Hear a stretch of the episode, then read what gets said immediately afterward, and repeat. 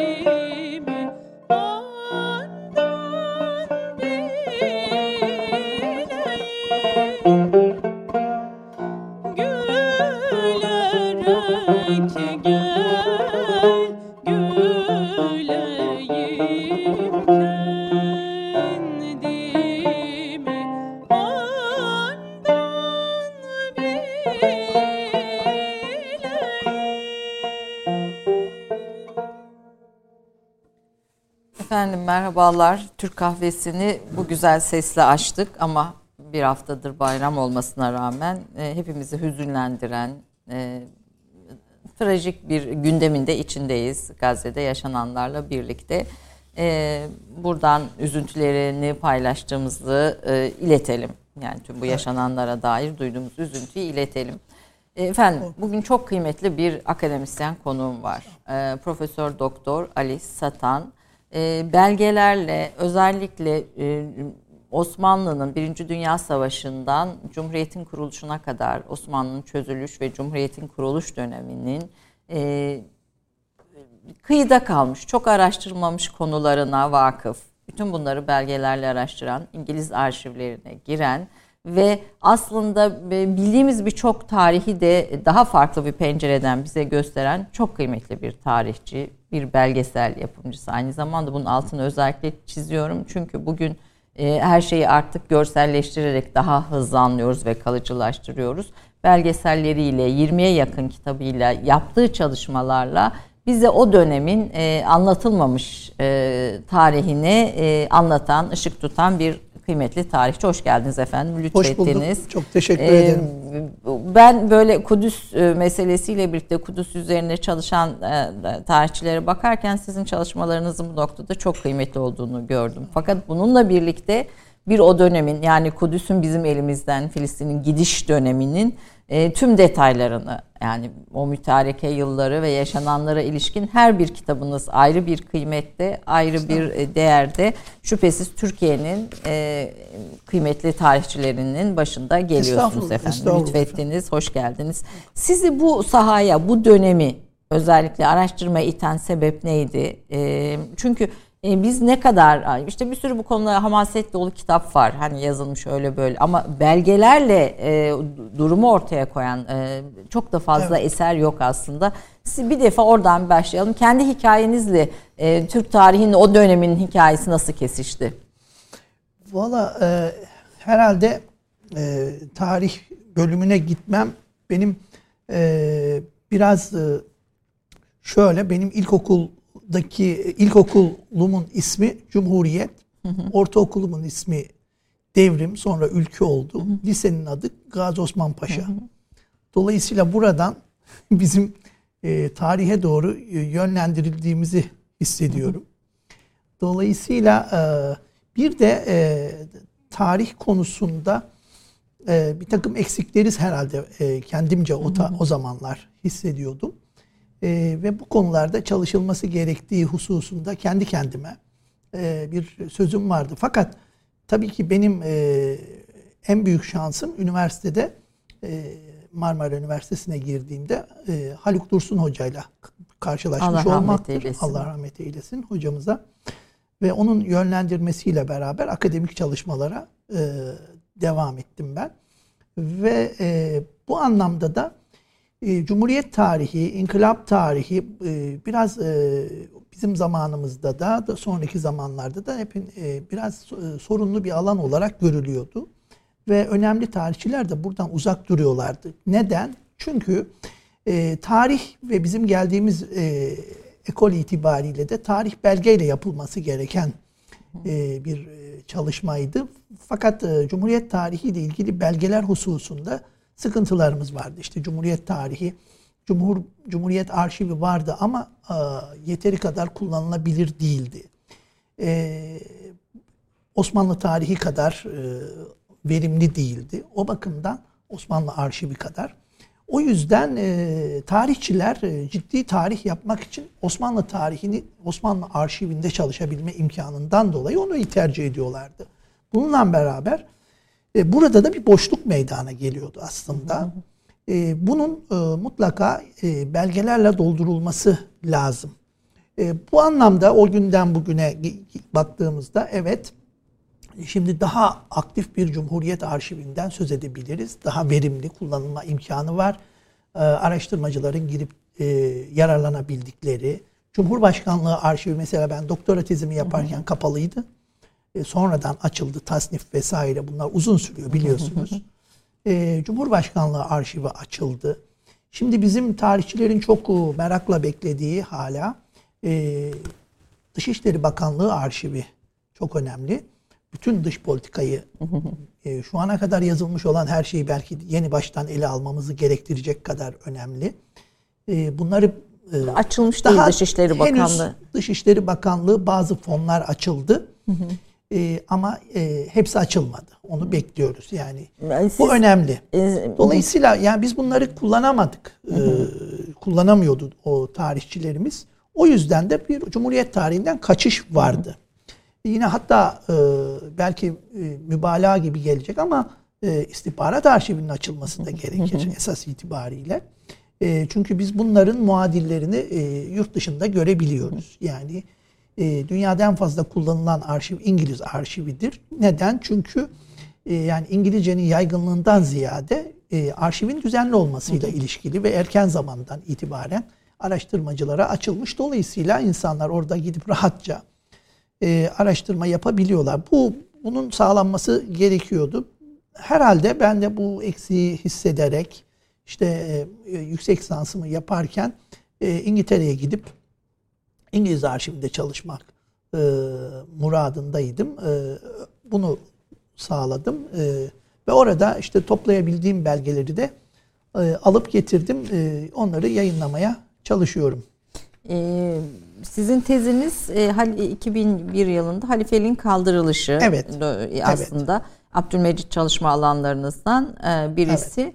Ee, yüksek lisans teziniz Türk İnkılabı'nın İngiltere basınına evet. yansımaları e, üzerine iki yıl boyunca İngiltere'de kütüphane ve arşiv çalışmalarında e, bulunuyorsunuz. İngiltere'deki Türkiye raporları sizin Hı. çalıştığınız şey 1922-26 dönemi bunları da yayınladınız. Şöyle e, göstereyim. 20'den itibaren şu, şu birincisi şudur. Birincisi bu. Evet. Şimdi bu İngiliz'in yıl e, şu gösterebilirsek arkadaşlar e, şeye kameraya. Bu bu yıllık raporların önemi ne hocam? Şu, yani bu Türkiye raporları tabii, bunlar isbari belgeler değil anladığım değil, kadarıyla. E, tabii pek çok e, rapor söz konusu aslında. E, İngiliz arşivinde e, Türkiye'deki İngiliz misyonu, e, diplomatik ve istihbarat misyonlarının Türkiye hakkında sürekli merkeze raporları var. Bunlar haftalık hı hı. raporlar şeklinde, aylık raporlar Diplomatların şeklinde. raporları mı bunlar? Diplomatların raporları bir de yani sahada çalışan e, istihbarat hı hı. görevi yapan yahut gözlem görevi yapan kim subay vesairelerin de e, e, bildirilmesinde fayda gördüğü tespitlerini bildiren raporları da var.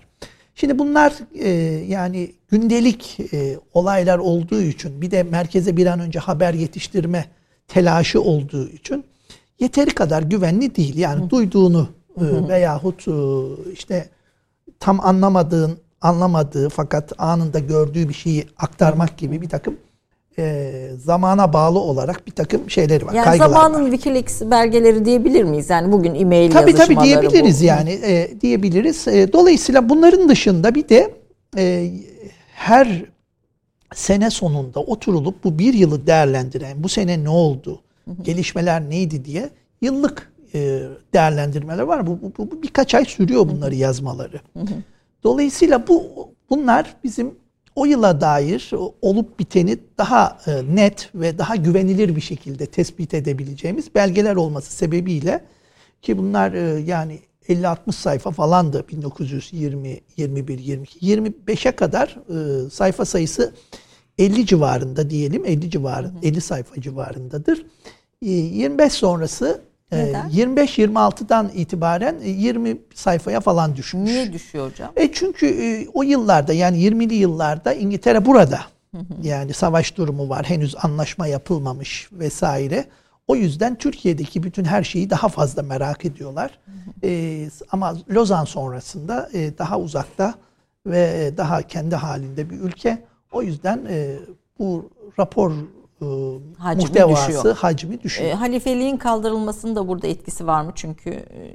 e akla gelebilir belki e, ama doğrudan e, onunla ilişkili mi bilmiyorum ama e, olabilir. Çünkü e, hani etkinlik bakımından, Türkiye'yi etkinliği bakımından e, daha e, güvenli buldukları için o kadar üzerine gitmiyor olabilirler. O dönemin içinde.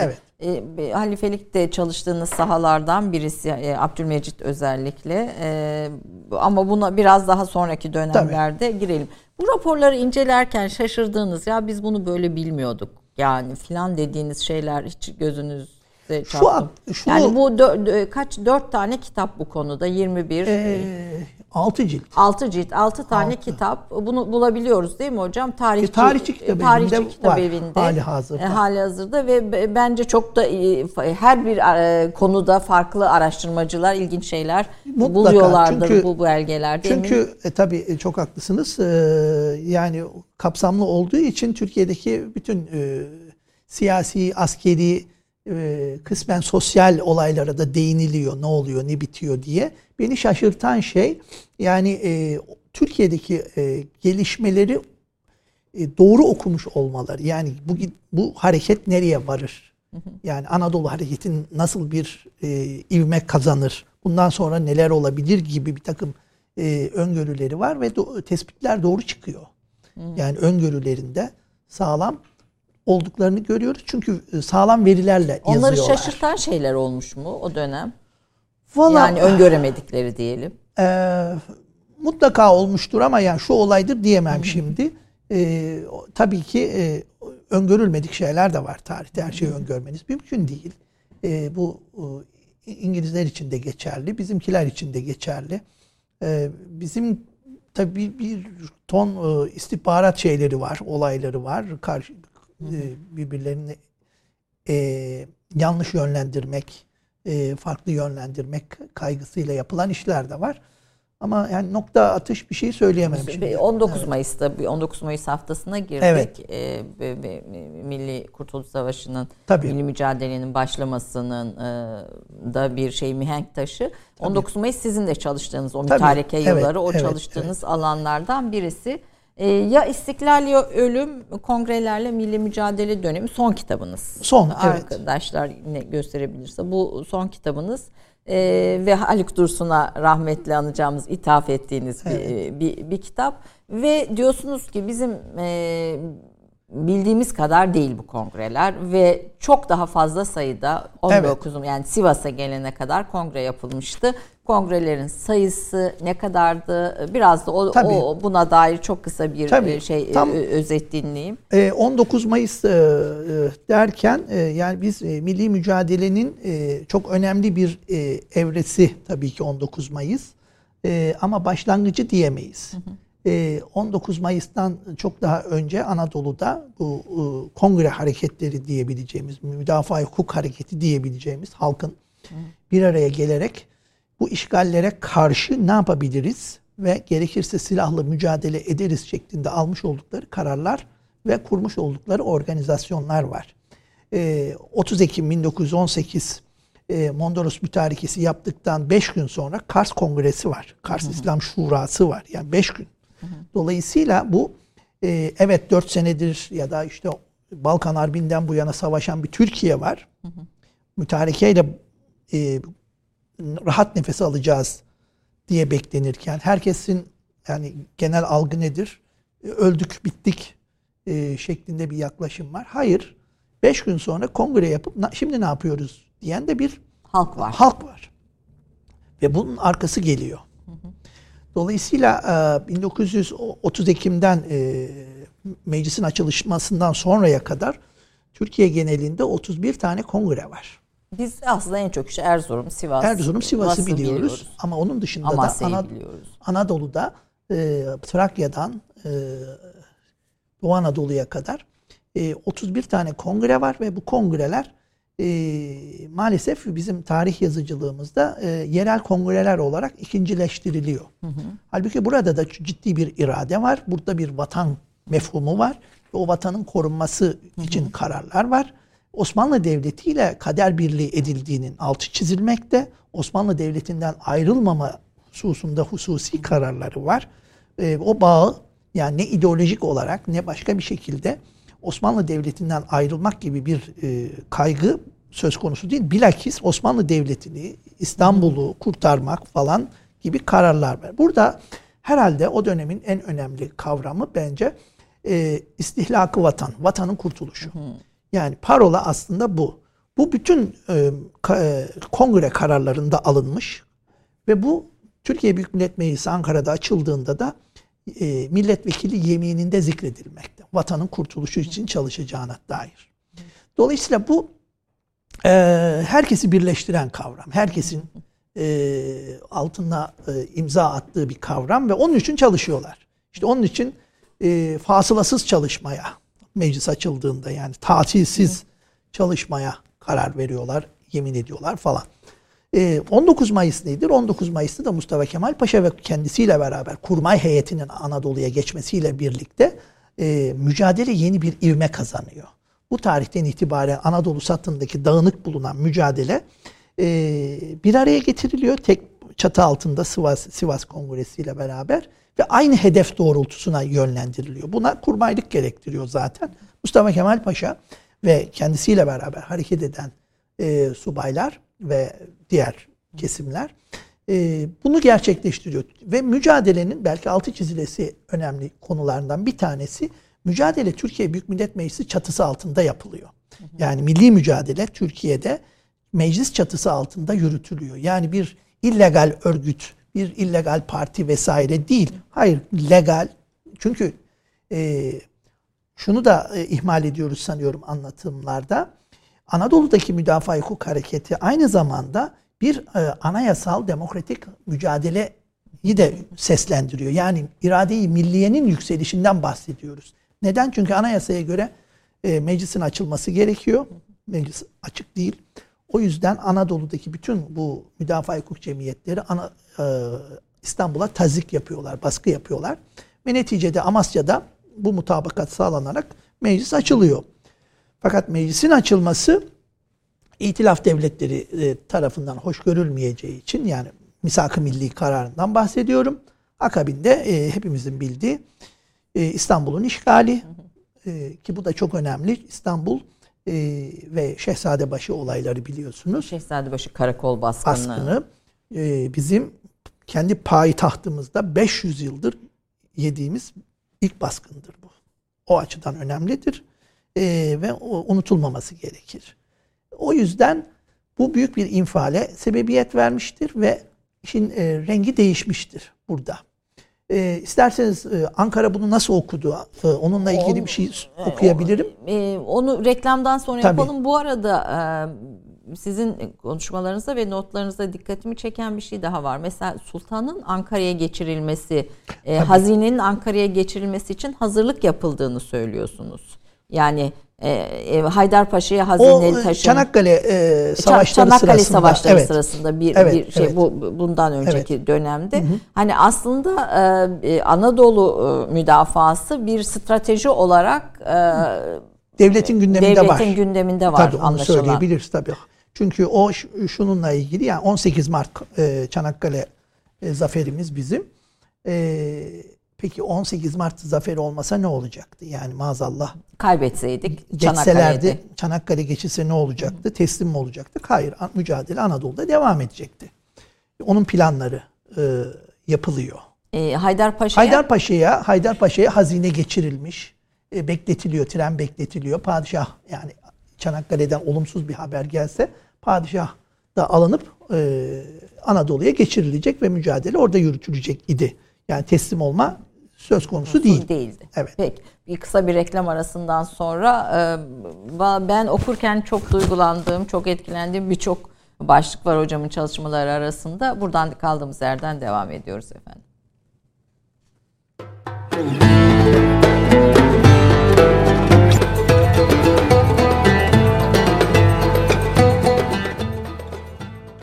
Efendim Türk Kahvesi'nde Profesör Doktor Ali Satan konu mütareke dönemi, milli mücadele dönemi e, e, konusunda Türkiye'nin en e, yetkin e, çalışmalarıyla e, sadece onlarla da değil e, araştırmalarıyla, belgeselleriyle Kudüs, Kıbrıs meselesi gibi birçok konuda e, bize ciddi bilgi e, belgeler ışığında kitaplar sunan, çalışmalar yapan bir akademisyen konuğum. Şimdi tabii ben böyle bu kadar çok çalışma olunca hangisine girsem diye böyle bir şey şu anda hani bütün dosyalar açık masanın üstünde efendim. Oradan oradan bir, biraz biraz e, sizinle evet. paylaşmaya gayret edeceğim. E, yaprak kaldığımız yerden devam edelim. Ondan sonra size de döneceğim. E, 19 Mayıs'a gelene kadar evet. 31'e yakın kongre olduğunu söylemiştiniz. Şu kitabı da evet. burada bunun üzerine çalıştığınızı ve o dönem Anadolu müdafası meselesinin e, çok dar kapsamlı olmadığını işte bu konuda da Mustafa Kemal Atatürk'ün bir şeyini bir e, konuşmasından beyannamesi beyannamesini okumak istediniz. Ee, Buyurun. 16 Mart 1920 tarihinde İstanbul işgal edilince İtilaf Devletleri tarafından hemen ertesi gün Mustafa Kemal Paşa'nın yayınlamış olduğu bir e, beyanname var. E, tam başlığı da beyanname zaten ve İstanbul'un işgalini nasıl yorumluyor onu görüyoruz burada e, bazı yerlerini alacağım. Bu tecavüz saltanat-ı Osmaniye'den ziyade makamı hilafette hürriyet ve istiklalinin istinadgahı yeganesini gören bütün alemi İslam'a racidir diyor. Asya'da, Afrika'da istiklal mücadelesine devam eden ehli İslam'ın manevi kuvvetini kırmak için son tedbir olarak itilaf devletleri tarafından tevessül edilen bu hareket hilafet makamını tahtı esarete alarak 1300 seneden beri payidar olan, müebbeden korunacağında şüphe bulunmayan hürriyeti İslamiye'yi hedef iddiaz etmektedir. Mısır, Suriye, Irak, Azerbaycan, Şimali Kafkasya, Türkistan, Afganistan, İran, Hind'in, Çin'in bütün Afrika'nın diye devam ediyor. Bütün bunları gönderme yaparak Mustafa Kemal Paşa e, bu tecavüzün bütün buradaki Müslümanları ilgilendirdiğini ve bütün buradalardaki e, emperyalizme karşı olan mücadeleyi kırmak adına yapıldığını söylüyor. Yani Ankara'dan baktığında Mustafa Kemal Paşa sadece İstanbul'u hedef almıyor, görmüyor. E, gördüğü Ya bütün bir İslam Türkiye- dünyası ve bütün, bütün- evet, yani oradaki Osman- mücadeleleri bir ve beraber görüyor. Bu önemli. Ee, Sanıyorum. e, Siz diyorsunuz ki TBMM'nin açılması 3. meşrutiyetin ilanı mıdır diye bir sorunuz var. 100 soruda milli mücadele Evet onu benden önce tabii e, Mahmut Koloğlu e, rahmetli e, kitap kitabının adı da öyleydi. Yani e, niye 3. Cumhur e, meşrutiyet diye e, sorulduğunda e, çünkü Ankara'da meclis açıldığı zaman e, 1876 Kanunu Esasi e, Geçerliydi. geçerliliğini koruyor. E, meclis padişaha bağlılığını devam ettiriyor. Açıldıktan sonra padişaha biat e, telgrafları var. Dolayısıyla e, Ankara İstanbul'daki meclisin aşağı yukarı 80-90 kişisi Ankara'ya intikal ediyor. E, ve hiç aynen devam ediyor. Hatta bir takım yazışmalarda 3. Meşrutiyet Meclisi diye de yazılar da var. Buna da itiraz edilmiyor. Dolayısıyla en azından e, 1921 Anayasası gelene kadar, çıkana kadar bu sürecin 3. Meşrutiyet olarak da kabul edilebileceği Mahmut Koloğlu söylüyordu. Ben de o kanaatteyim. O kanal. Evet. Orada İslam devletin din İslam'dır ibaresi o vakti, o vakte kadar kalıyor. Şöyle hayır e, İslam e, e, 1900 e, 1876 Kanunu Esasi'de yani ilk anayasamızda devletin dini İslam ibaresi var. E, 1921 Anayasası kısa bir anayasa olduğu için orada din ibaresi yok ama 1876 Anayasası 1924'e kadar geçerli zaten. E, o yüzden orada devam ediyor. Cumhuriyet ilan edildiğinde anayasada değişiklik yapılıyor biliyorsunuz. Anayasal e, tadiller söz konusu. O tadil içerisinde hem anayasaya cumhuriyet ibaresi giriyor hem de devletin dini İslam'dır ibaresi e, 1923'te girmiş. 21 anayasasına. 24 anayasasında gene devletin dini İslam'dır ibaresi var. Ta ki 1928'e kadar. 1928'de bu ibare çıkacaktır. 28 önemli bir dönüm noktası Cumhuriyet tarihinde.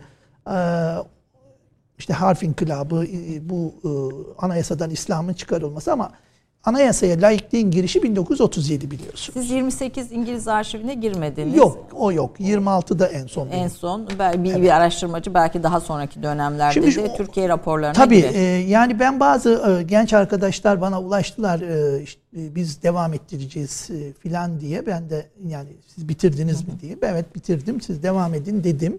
E, fakat henüz e, kitap olarak görmedim. E, bazı makaleler şeklinde çıkanlar var.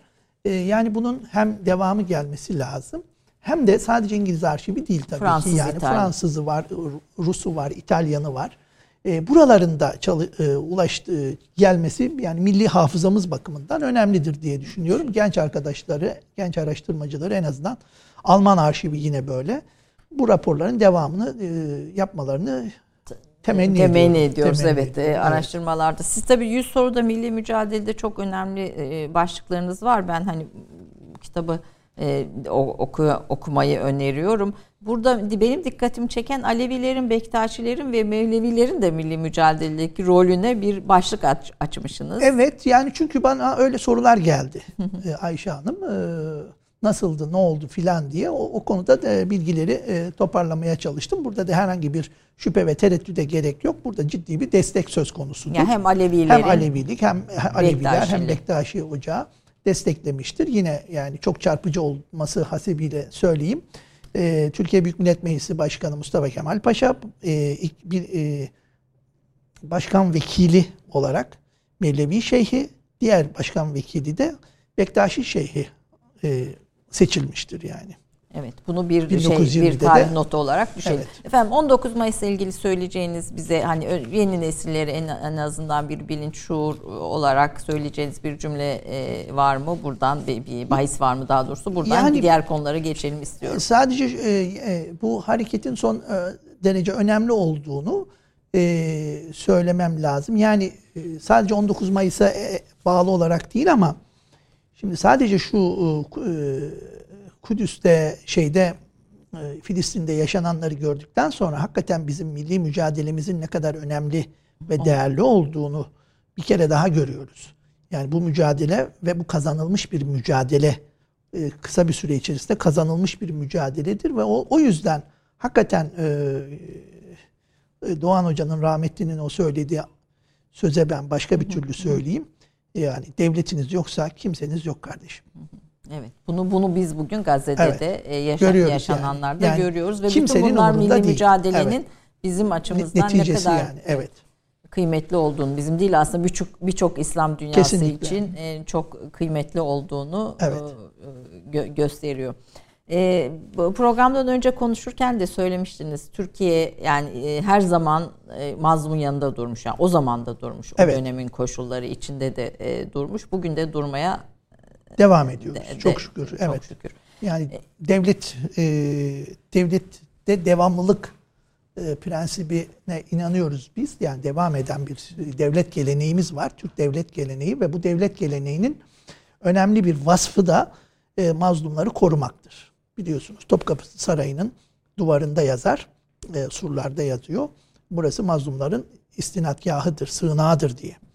Bu bizim e, bütün Orta Asya'dan bugüne kadar devam ettirdiğimiz bir gelenek, devlet geleneği. Biz mazlumları korumak ve adaleti gerçekleştirmek gibi bir misyonum, tarihi misyonu nedir Türklerin diye evet. soracak olsak belki bunu e, söyleyebiliriz.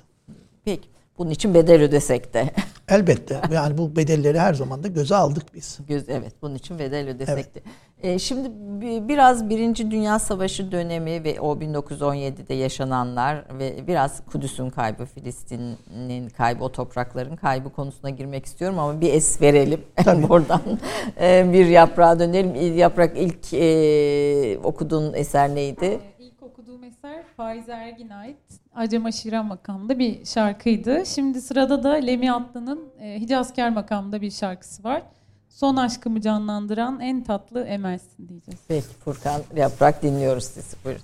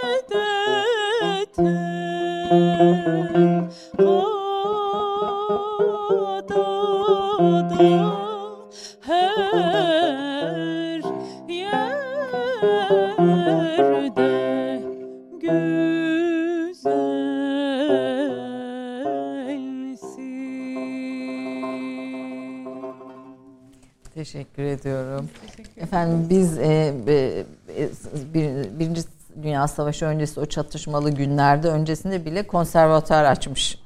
darbe evet. açmış bir evet, toplumuz, ülkeyiz. Musiki, hayat devam ediyor. Hayat tabii devam evet, ediyor. Musiki doğru. bizim hayatımızda ayrı bir yere sahip. 100 soruda Birinci Dünya Savaşı e, doçentken yaz, yazdığınız ve bir, bir kitap görebiliyor muyuz? İlk evet. baskısızda onu tekrar evet. basıldı. E, bu kapaktaki resimler şey evet, müttefiklerin, müttefiklerin yani Osmanlı, e, Avusturya ve e, e, Macaristan İmparatoru. E, Alman İmparatoru, Avusturya Macaristan İmparatoru evet. ve Sultan Reşat. Reşat. Peki efendim. Şimdi kitabın ön sözünde e, bir nesil adına bir ferde e, o neslin o nesil adına bir ferdine ithaf diyorsunuz ve dedenize ithaf ediyorsunuz. E, bu evet. kitabı neden bir oradan başlayayım. E, çünkü o savaşa iştirak eden e, nesle mensuptu benim dedem. E, 1892 doğumlu ve o yıllarda 1880'liler ve 90'lılar imparatorluğun e, cenazesini kaldırmış nesil olarak görüyorum. İşte 10 yıl en az e, harbin içerisinde bulunmuş nesil. E, tam 20 yaşlarında Balkan Harbi patlıyor. Dolayısıyla Balkan Harbi ardından Milli e, e, Birinci Dünya Harbi ve İstiklal Harbi. Hı hı. Dedem e, ailede anlatıldığına göre 9 yıl e, savaşmış, 9 yıl askerlik yapmış. O nesildeki herkes gibi. E, dolayısıyla e, bize fotoğrafı bile kalmamıştır. Yani öyle söyleyeyim. E, sadece e, buradaki anekdot şu, e, ailede anlatılan e, dedem Tokat'tan e, Kafkas cephesine gidiyor ve Kafkas cephesinde e, e, başkumandan vekili olarak Enver Paşa geldiğinde o, onun kızağını çeken e, kişi e, yani kızağını süren diyelim. E, çok hızlı tabii ki Enver Paşa'nın acelesi var. E, hızlıca gitmesi gerekiyor bir yerden bir yere. Orada e, dedem nasıl cesaret bulduysa e, efendim bu kadar e, acele edersek at çatlar diyor. Ve at çatlıyor bir süre sonra. Enver Paşa'nın cevabı da at çatlarsa sen varsın diyor. Hakikaten ikinci at olarak dedem e, geçiyor ve kıza bir yere kadar götürüyorlar. Bu e, dedemden kalan e, bir, bir e, hatıra. hatıra olarak bizim ailede anlatılırdı. E, Allah hepsine rahmet eylesin. E, o neslin o mücadelesi, o azmi, kaygısı çabası olmasaydı bugünlere gelinmezdi tabii ki Bugün yani. Türk, çok önemli. Ee, sizin ya İstiklal Ölüm diye bir şeyin e, bu kitabın da ötesinde bir ayrıca bir belgeseliniz var. Ee, ismini yanlış söyledim şu anda. Ee, Belgesel değil de filme benim e, danışmanlığım vardı TRT'de oynayan. Bekle Beni Vatan. Ha o evet. evet bir, Birinci Dünya Savaşı'nda e, Bekle Beni Vatan Türk esirlerinin konu edildi. Gerçekten izlerken çok etkilendim. 2003'te yapılmış ve çok amatör koşullarda yapılmış. İlk ve, işimiz e, evet. E, ve kesinlikle onun içinden en az 3-4 tane e, hikaye çıkar. Yani Kore'den hikaye, e, senaryo ithal etmeye gerek yok. Ithal etmeye gerek yok. Bizim kendi hikayelerimiz, kendi senaryolarımızın farkına varıp mutlaka yapılması Kesinlikle. gerekiyor. Ee, şimdi orada bir Nargın adası var Nargın, Rusların, evet. E, Türk esirlerinin götürdüğü. Çok kısa e, Birinci Dünya Savaşı'ndan e, sonra ve o süreçte ne kadar esirimiz var? Bu esirlerin hmm. akıbetleri nedir? Böyle kısaca onu dinlemek istiyorum. Çünkü e, sahiden çok trajik bir e, hikaye var bu, Doğru. O, orada. Şimdi tabii savaşı e, savaşta şehit oluyorsanız e, kurtuluyorsunuz bakıma. Ee, ama geriye hele mağlubiyetten sonra geriye kalmak, bir de esir olmak. E, o belki de bu yüzden uzunca bir süre anlatılmadı bu esir hikayeleri. Halbuki e, biz o belgeselde de söylediğimiz bir şey var. Esaret de savaşa dahil. Yani hesaba katmamız gerekir. E, biz e, 4 yıllık harp içerisinde e, aşağı yukarı 2 milyon 850 bin kişi, 2 milyon 900 bin kişiyi silah altına aldı Osmanlı Devleti. Ve biz o şeyi hazırladığımızda, belgeseli hazırladığımızda elimizdeki resmi rakam 202 bin idi. evet. Bu rakam arttı. Çünkü Kızılay Arşivi açıldı ve Kızılay Arşivinde her bir esir için bir kartoteks oluşturulmuş ve dolayısıyla oradaki sayı aşağı yukarı şimdi 300 bin civarında. Ee, O yüzden rakamlar değişiyor.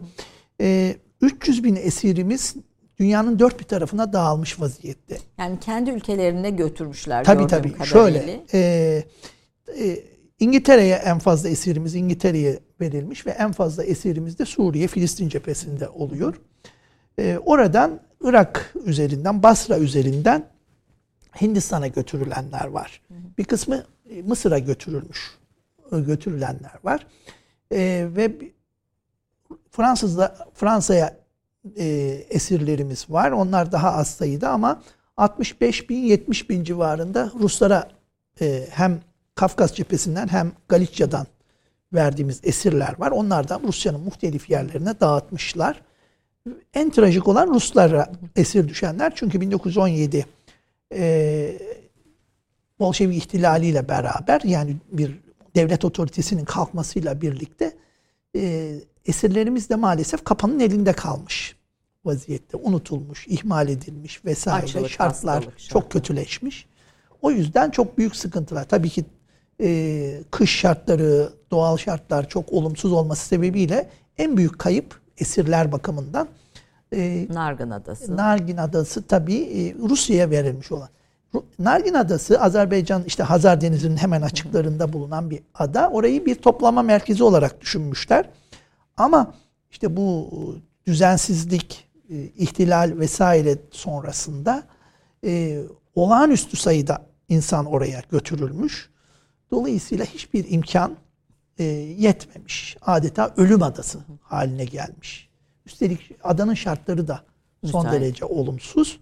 E, orada işte Azerbaycanlı kardeşlerimizin e, oluşturmuş oldukları yardım kuruluşları vasıtasıyla bunlara e, bu insanlara yardım edilmeye, şartlarının düzeltilmeye çalışıldığını görüyoruz. O da erken zamanda e, yani Türk Azerbaycan Türkiye Azerbaycan yardımlaşmasının bir nişanesi olarak e, tarihte yerini aldığını düşünüyorum ben. E, belki bunu daha anlamlı e, şeylere dönüştürmemiz lazım. Anıtlara evet. dönüştürmemiz evet, lazım. Evet, evet. yani Bu, müthiş bir e, şey, do, Nargin Adası, evet. Nargin Adası. Bir de oradan esirlerin nakli var Sibirya'ya. Ondan sonra yani gerçekten çok trajik. Bu esirlik konusu hem Birinci Dünya Savaşı hem İkinci Dünya Savaşı'nda e, en sorunlu olan şey zaten bir yerden bir yere ulaşma. Yani kayıpların önemli bir kısmı da buralarda oluyor aslında. Çok yürütüyorlar insanları. Çok yürüyorlar, yürümek zorundalar. Evet tren vesaire kullanılıyor ama yani her yerde tren yok. Ee, ve insanlar bu aşırı yorgunluktan bitap düşüyorlar. Hem İkinci Dünya Savaşı'nda da böyle. Dolayısıyla e, uzun yürüyüşler, e, hava şartları vesaire ve e, sair büyük kayıplar olmuş.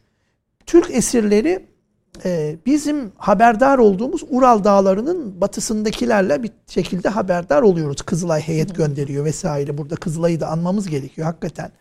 Türk esirleriyle e, uğraşmış, e, onlara Türkiye'den yardım gönderen, mektup gönderen vesaire bu irtibatı sağlayan tek kanalımız Kızılay. O yüzden e, Kızılay Arşivi çok önemli ve e, en trajiği belki bu insanlar Kafkasya'dan alınmışlar. Rusya'nın öbür tarafı yani Sibirya'nın bir ucu Japonya'nın karşısına tekabül eden Vladivostok'a kadar götürmüşler. Vladivostok'ta Türk esirleri var. Ee, bu çok ilginç bir hikaye. Vaktimiz varsa onu çok kısa çok kısaca söyleyeyim. Evet lütfen. Yani 1918'de e, İtilaf devletleri Rusya'ya savaş açtılar ihtilal evet. sonrasında. Rus e, Japonlar da e, oraya çıkarma yaptılar ve Vladivostok'a geldiklerinde Türk, esirleri. Türk esirlerini görüyorlar. Osmanlı Devleti ile yazışmalar sonunda Kızılay yine parasını göndererek gemiyle, bir gemiyle buraya gelmesi sağlanmaya çalışılıyor. Ee, yani kişi başına gönderiyor bildiğim kadarıyla. Oku sizin şimdi belgeselde onu, olabilir. Notlarla, evet. yani neticede bir Japon gemisi, bir Japon e, kaptan var, askeri bir kaptan e, ve onların e, Türkiye'ye getirilme hikayesi. 1040 veya 1030 kişi. Kaçak yolcular da var arada. E, bunların düşünün yani Hint e, ta Japon Çin denizinden buraya kadar gelme hikayesi. Geliyorlar netice itibariyle Yunan adalarına. E, Midilli açıklarında Yunanlılar gemiyi durduruyorlar. Yıl olmuş 1921. E, esirleri bize vereceksin çünkü savaş devam ediyor Anadolu'da. Japonya Japon kaptan e, direniyor, vermiyor. Olay uluslararası hale geliyor. Gemimiz Pire limanına çekiliyor. Efendim hastalıklar vesaireler var. En nihayet yani ve esirler iş, gemiden inemiyor. İnemiyorlar tabii. Ee, en sonunda bir anlaşmayla hastalar indiriliyor Pire'de. Sonra üçüncü bir yol bunların e, e, İtalya'nın bir e, adasına Anzavur e, Azanavur e, ismini tam hatırlamadım şimdi. Bir adasına ki orası da karantina adasıymış. Hı hı. E, oraya e, bunların çıkarılmasına müsaade ediliyor. Türkiye'ye getirilmesi bir 6 ay daha sürüyor. O adada yılan sokmasından Maalesef, evet. e, ölenler, ölenler var. var. Yılan adası aynı olarak aynı evet. e, zamanda e, biliniyor. Geldiklerindeki sayıyı biliyor muyuz?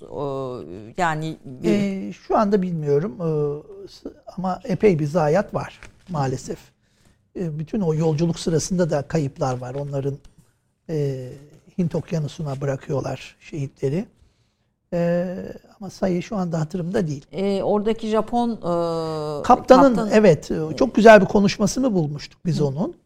E, kaptanın e, e, oradaki emperyalizme not almıştım ama bir şu orada, anda bulamadım. Orada bizim subaylara ve askerlere yapmış olduğu e, konuşmada Türkiye ile e, Japonya'nın bir dayanışma içerisinde olabileceğini, bu e, biz bu askerleri tanımış olmaktan son derece memnun olduğunu, onların göstermiş oldukları bu e, Metaneti. metanete e, saygı duyduğunu ve e, bu günlerin geçeceğini, bu emperyalistlere karşı direnmek gerektiğini filan e, söyleyen çok e, anlamlı bir konuşma yani gerçekten. Türk, Türk esirlerini getiren Japon e, kaptanı ve Türk esirlerinin e, hikayesi mutlaka yapılmalı. O çünkü e, belgeselde Kesinlikle. detayları da var. Hepsi gerçekten müthiş bir şey. Direniş, metanet ayrı bir şey. E, dikkatimi çeken reklam a, arası istiyor yönetmenim ama Kudüs'e sonra geçeceğim için şimdi onu tam a, da,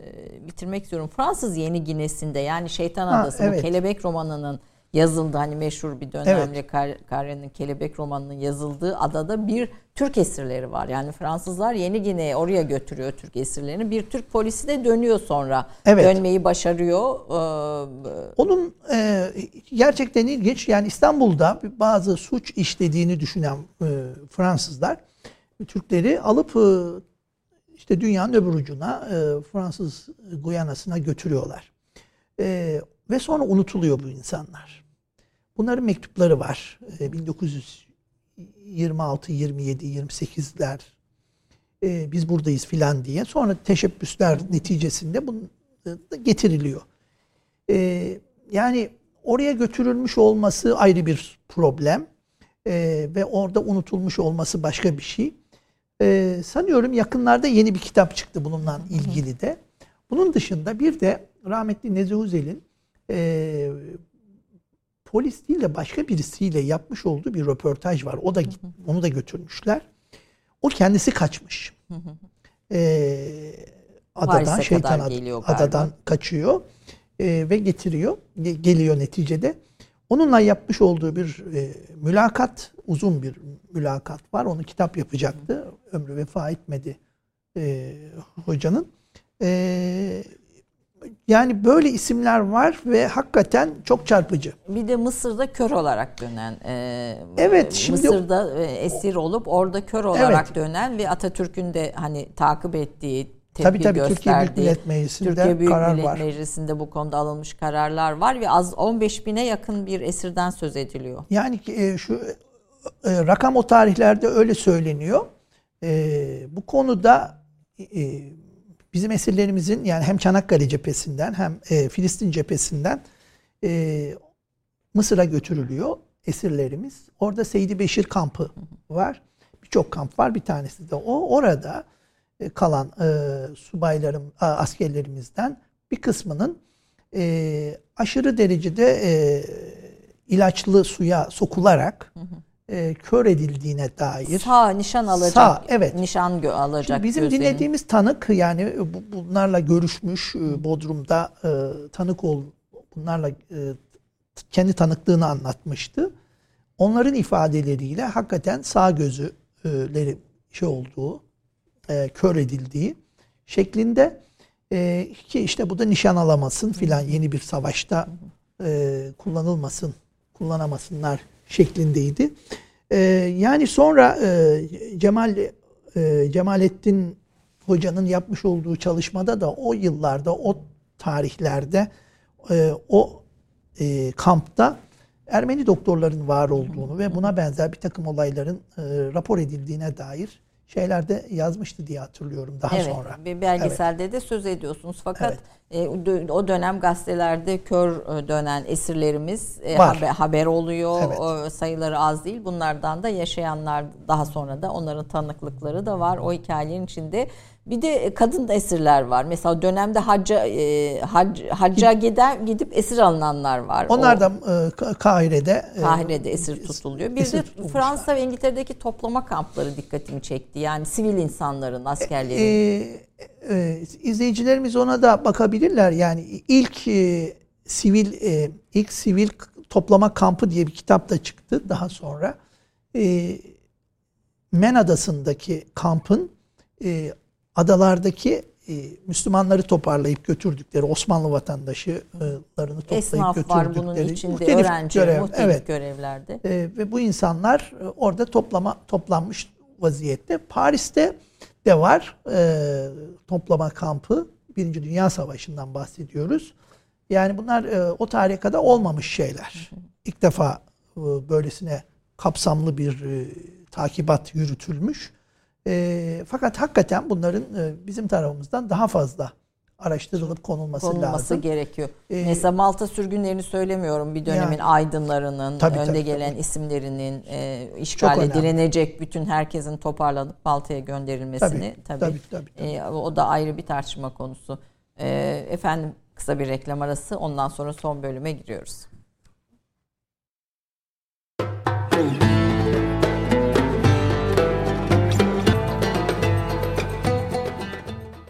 Efendim Türk Kahvesi'nde Profesör Doktor Ali Satan'la birlikteyiz. Kıbrıs'ta ne olduğuyla başlayıp en son Kudüs'le bitireyim istiyorum. Çünkü Kıbrıs-Filistin bağlantısına da gireceğiz. E, Evet. Arasında bir bağlantı var mı? Siz Kıbrıs konusunda İngiliz belgelerini incelediniz. E, yeni İngiliz belgelerinin de ışığında Kıbrıs sizin için bir önemli başlık. Ayrıca bir belgeseliniz de var. Erdoğan Şentürk'le birlikte Evet. tanıkların diliyle Kıbrıs olayları ki bu sahada yapılmış en kapsamlı, en özgün e, işlerden de birisi. Buyurunuz efendim. Ee, Kıbrıs meselesiyle ilgili e, benim o yayınladığım, e, incelediğim belgelerde Churchill'in, Lloyd George'un ve yine İngiliz e, hem deniz kuvvetlerinin hem Genelkurmay'ın yayınlamış ol, e, hazırlamış oldukları raporlar vardı. Paris Barış Konferansı sırasında e, bunlara müracaat etmişler, bakmışlar.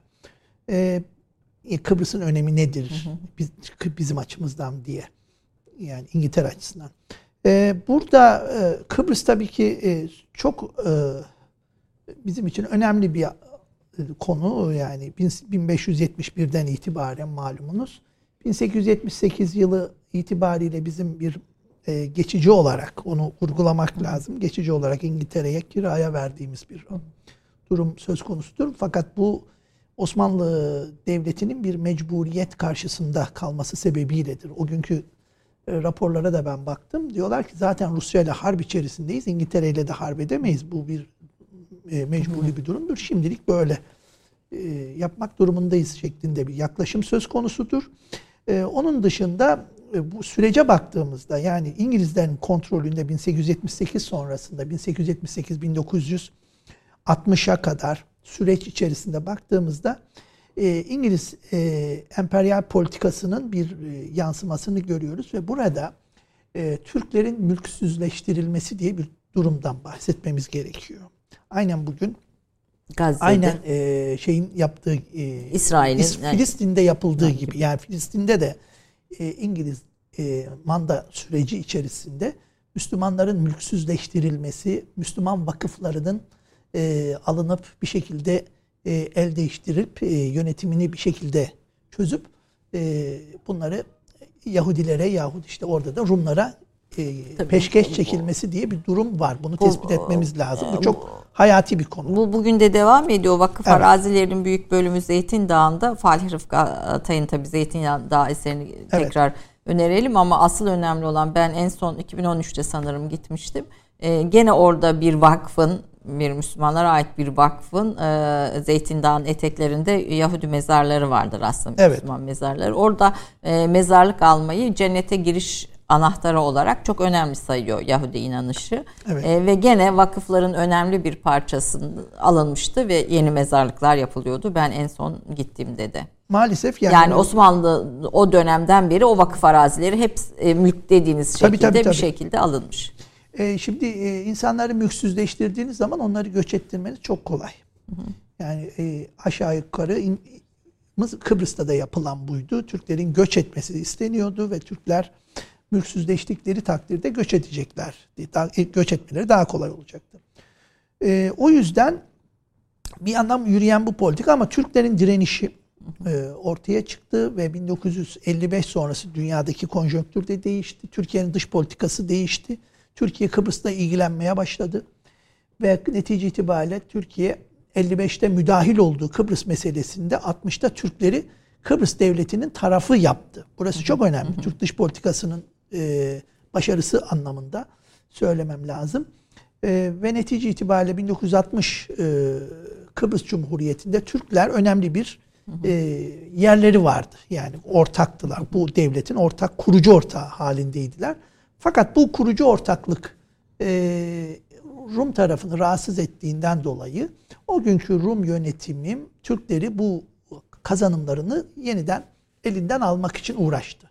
Hukuki yoldan, başka yollardan ve fasılasız bir şekilde 1955'te kurulmuş olan EOK terör örgütü hiç e, durmaksızın çalışmalarını da sürdürdü.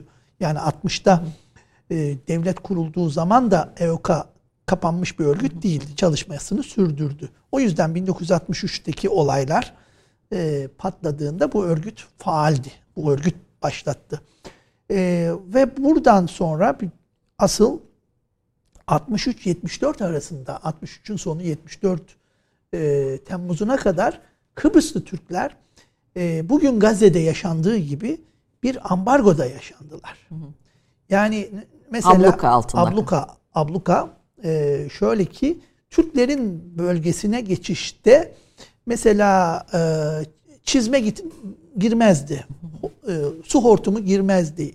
Efendim çimento e, vesaire inşaat malzemesi sokamazdınız gibi listeler var. Gördüm ben onları. Dolayısıyla kendi kontrollerinde yani müdafaa hattı oluşturmayacak, direniş oluşturmayacak şekilde e, ve mümkünse de bir an önce gitmesini temin edecek politikalar baskılar e, vesaire. Çünkü bu süreç içerisinde 63-74 arasında Türkler tamamen hı hı. E, evlerinden, barklarından, e, e, bütün kazanımlarından yoksun halde yaşadılar. Ve 10 yıl boyunca Kıbrıs Türklerine de tek bakan yine Türkiye Devleti oldu. Hı hı. Sadece bizim Mersin'den kalkan e, Kızılay vapurlarımız Magosa Limanı'na gitti. Oraya yardım götürmeye çalıştı. Bunun dışında dünya yine Kıbrıs hadiselerine karşı kör ve sağırdı. O dönem. E, Denktaş'ın size söylediği, e, bu arada bir tarihçi olarak sözlü tarih çalışmalarına da önem veren, belgesellerde evet. de bu kayıtları e, tutan birisiniz. Bu böyle bir röportajda size söylediği 60 darbesi Kıbrıs mücadelesini olumsuz etkilemiştir ve biz işte BM'de daha sonra alınan genel kurulda alınan 64, 64 kararı, kararı evet. ve Denktaş'ın ağlayarak Birleşmiş evet. Milletler Salonu'nu terk ettiği e, o karara geliş sürecinde 60 darbesinin askeri darbesinin olumsuz etkisini gördük diye bir ifade var. Evet şöyle 1960 e, darbesiyle beraber Türkiye'nin Kıbrıs politikasında bir değişim söz konusu. Bunu şuna bağlıyorum ben. 60 darbesiyle bir sürü dengeler değişiyor. Bir sürü sorun var. Yani illegal bir şekilde iktidara gelmişsiniz.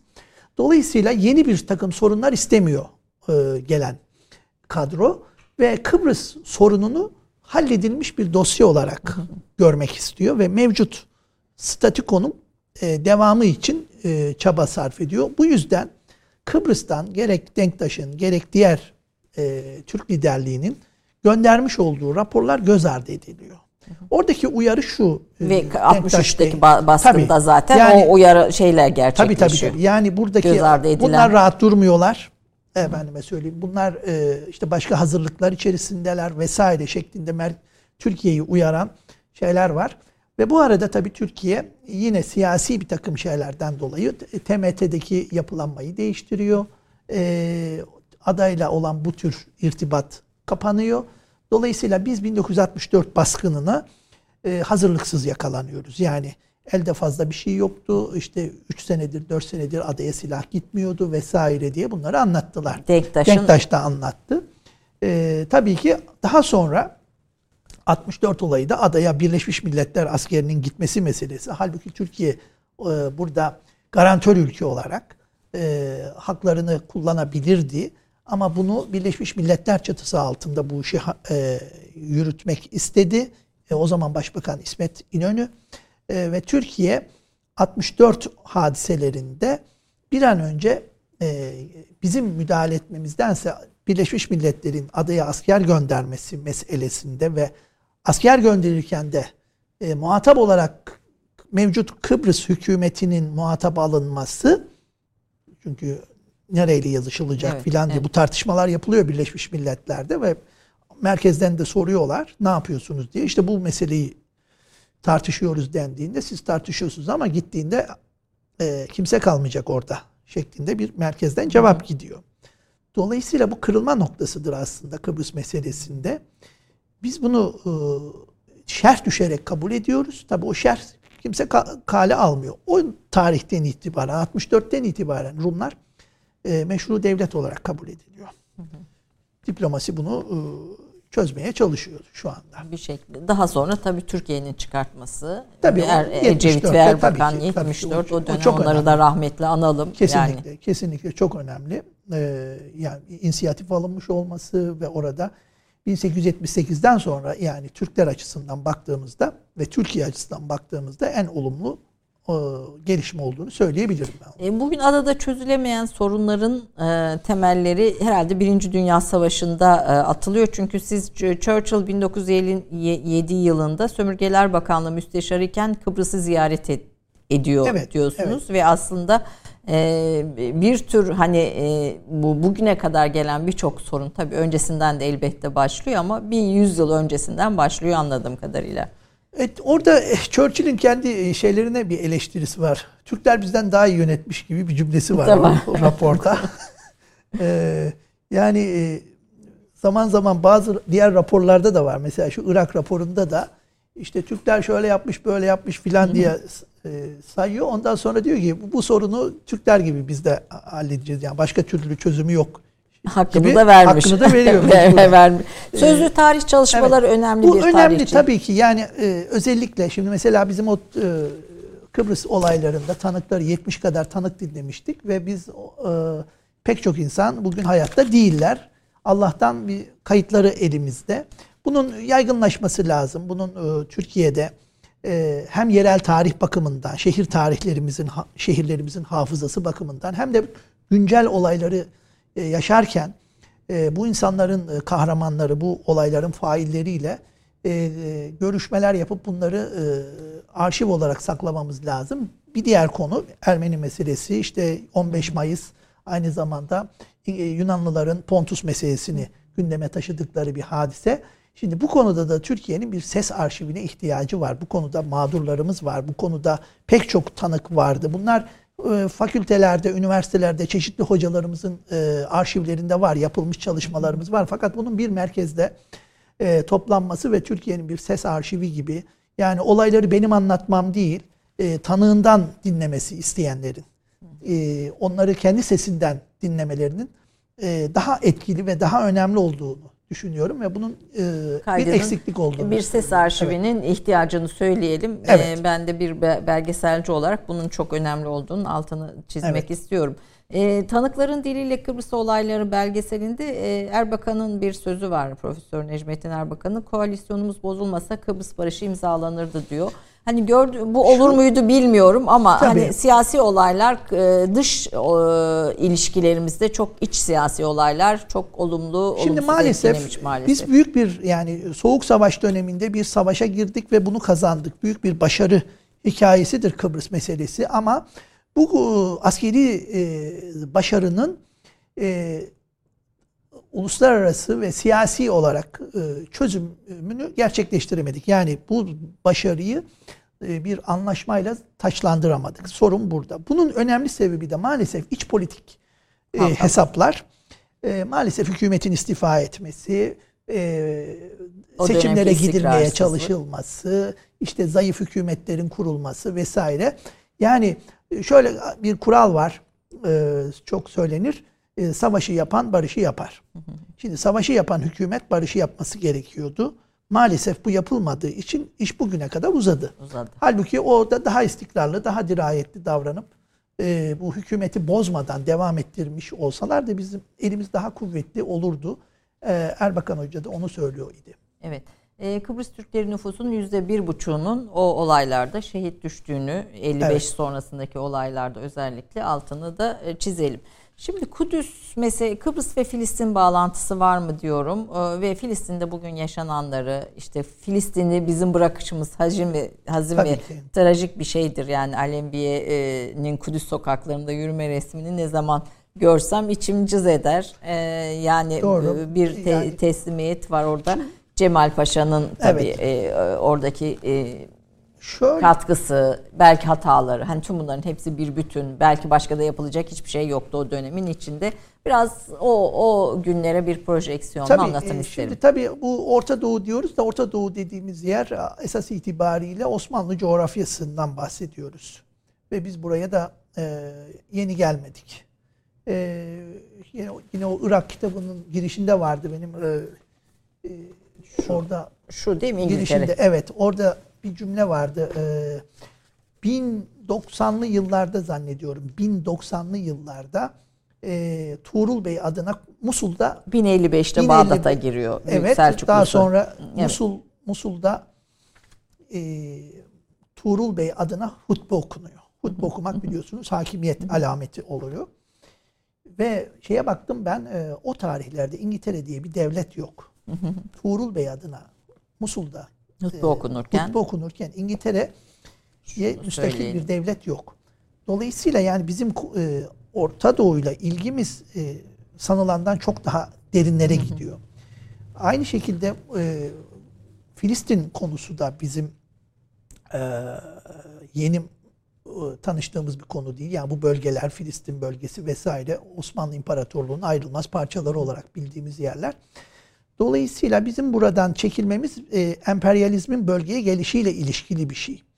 E, hiç unutmuyorum bu İran Cumhurbaşkanı e, İstanbul'da bir basın toplantısı vardı ve orada bir söz söyledi. Dedi ki emperyalizmin Orta Doğu'ya girişi Osmanlı Barajı'nın yıkılması ile ilgilidir.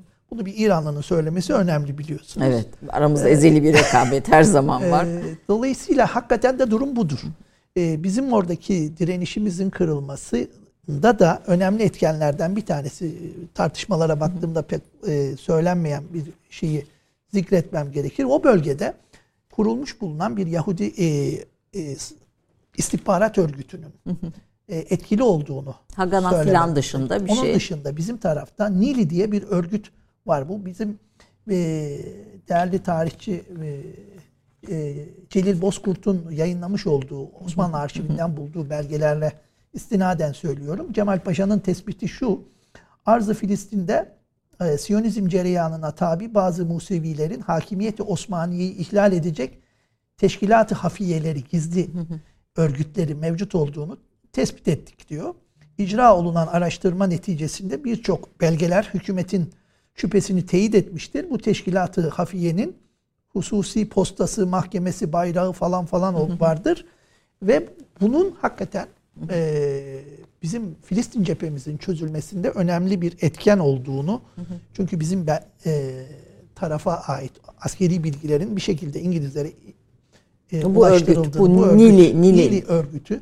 E, bu efsane gibi e, anlatılıyordu şimdiye kadar ama Osmanlı ta, e, arşivinde yapılmış araştırmaları e, Celil ortaya Osmanlı arşivindeki belgeleri ortaya çıkararak e, bunu e, ispat etmiş oldu. Onu söylemiş olayım. E, dolayısıyla bu tür araştırmalarda kullanılması gerekiyor. Buna da bakılması lazım. E, bu tabii ki bizim Filistin cephemizin e, çökmesi demek yani bizim teslime giden Osmanlı İmparatorluğu'nun Mondros mütarekesine giden sürecini de başlatıyor. Ve en büyük hakikaten oradaki en büyük şeyimiz e, ve esir verdiğimiz cephede Filistin Suriye cephesi. Maalesef e, düz bir hat olması dolayısıyla yani coğrafyanın da etkisiyle orada e, birçok defa durdurmuş olmamıza rağmen Gazze'de kazandığımız zaferler var bizim Gazze cephesinde. Ama daha sonra General Allenby'nin gelmesiyle birlikte e, maalesef Osmanlı Devleti bu cepheyi hattı tutamadı. E, ve bu hattı tutamayışımız bölgenin kaderini de değiştirdi. Ha burada tabii ki bu, buna etki eden faktörler var. E, işte Şerif Hüseyin meselesi var. Başka iç, iç isyanlar var. var. Mısır evet. bize karşı savaşıyor. Yani herkes e, Mısır zaten İngilizlerin kontrolündeydi malumunuz. Oradan e, bir e, destek alamadık. Beklediğimiz destekler oradan gelmedi ama e, sonuç itibariyle biz Filistin'i Filistin bölgesini de e, Suriye'den de çekilmek durumunda kaldık. Savaş sonu itibariyle. Yani Kudüs'ü Kudüs'ü e, terk etmek zorunda kaldık. Çekildik. Evet. Yani orada bir e, sokak savaşı yapılsın mı yapılmasın mı diye bir tar tartış tartışma var malumunuz.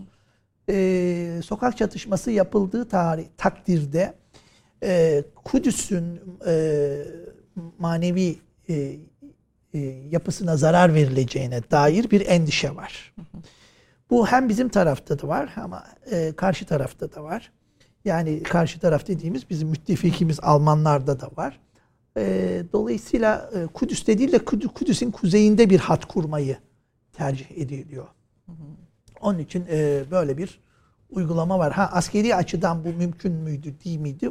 E, sanıyorum e, askeri açıdan da pek e, olumlu karşılamıyorlar bunu. Tabii 47-48 İsrail Devleti kurulana kadar da maalesef İngilizler e, yavaş yani, yavaş oraya e, onu söyleyeyim müsaadenizle. Yani bu Birinci Dünya Savaşı sonrasında e, şeylerin İngilizlerin buradaki politikaları, ya yani manda siyaseti maalesef son derece yanlış olmuştur.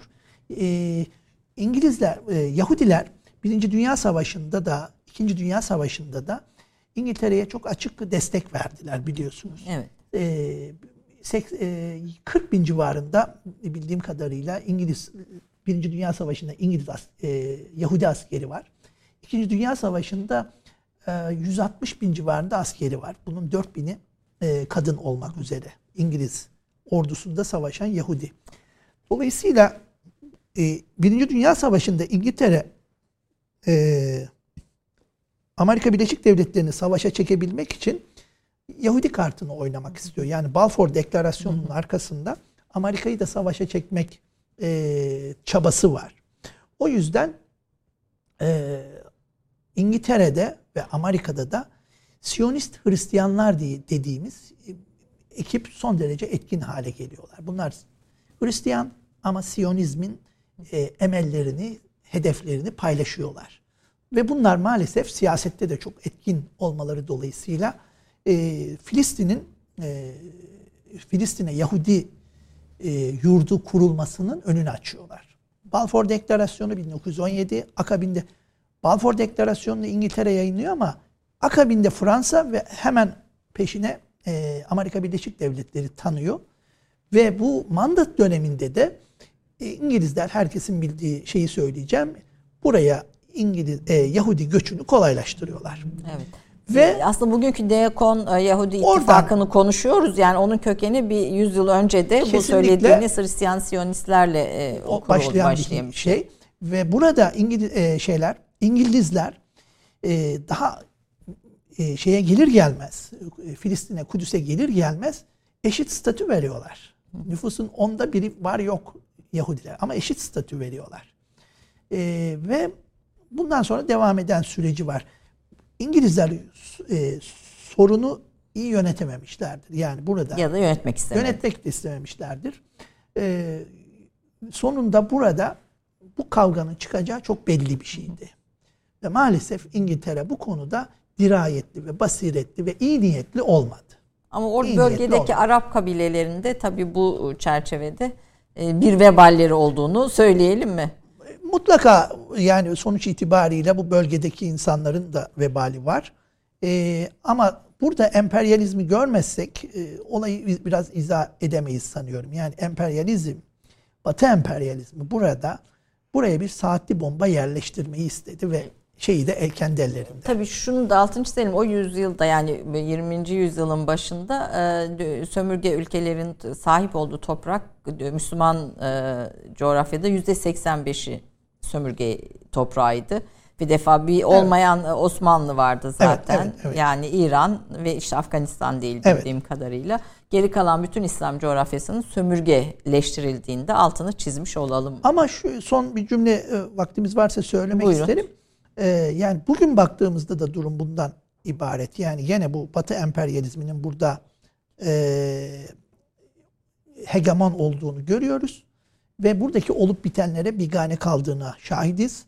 Dolayısıyla bugünden itibaren yeni bir dünya e, vicdan hareketine ihtiyacımız var. Yani Amerika görmüyor diye, Avrupa Birliği görmüyor diye buradaki yaşananlara e, kör kalamayız. Buradakine, Çin'dekine, değil mi? Doğu Türkistan'da yaşananlara. Evet. Yani bu İslam dünyasının Müslümanlara yönelik, e, dünyanın mazlumlarına yönelik e, olup bitenleri karşı yeni bir e, insanlık vicdan hareketine ihtiyacımız olduğunu ve bunun da uluslararası siyasette yeni bir enstrümana dönüşmesini umut ediyorum. E, bunun en azından bizim Z kuşağının yapmasını beklediğimi ifade etmek Z istiyorum. Z kuşağında ben bu potansiyelin evet. olduğunu da düşünüyorum e, bu noktada. E, sizin bir de yaprağı hemen geçiyorum yönetmenim e, işaret ediyor. E, TBMM'nin dünya Müslüman nüfusunu merak edip onun üzerine yaptığı bir araştırma var. Böyle bir cümleyle evet. bir şey söyler misiniz? Evet, e, bir böyle bir şey var bir cümleyle söyleyeyim. böyle bir şey var dedi hocam. bir nüfus çıkmış mı ortaya o, o evet, zaman? Evet, 340 milyon civarında e, Yıl? bir e, 1923. 23. 340 milyon Müslüman nüfusu var ve evet bunun kahir ekseriyeti sömürge altında. 300. Dolayısıyla ben buradan şeyi e, çıkartıyorum. Yani Türkiye Büyük Millet Meclisi'nin hilafet politikası buradan çıkabiliyor. Yani hilafet üzerinden bir şey yapılabilir mi manzara bu haldeyken gibi bir düşünme egzersizi olduğunu zannediyorum. Zannediyorsunuz. Bu da enteresan bir konu acaba e, gerçekten 1923'te evet. dünya Müslüman nüfusunu merak edip meclisin araştırtması evet. ve bir veriye ulaşması da ilginç bir konu. Belki daha sonra bir program yapalım hocam. Çok İnşallah. benim önümde notların yarısı duruyor. Devam. Tamam. Bugünü böyle bir giriş olarak kabul edin efendim. Yaprak finali sizle yapalım. Evet. Ben de hemen bir cümleyle Cevdet Çağla'nın e, Nihavent şarkısı Baharda bu yıl bir melal var diyoruz. Evet gerçekten bir melal var. Efendim çok çok teşekkür ediyoruz hocama. Sizi Yaprak ve Furkan'la baş başa bırakıyoruz. Baharda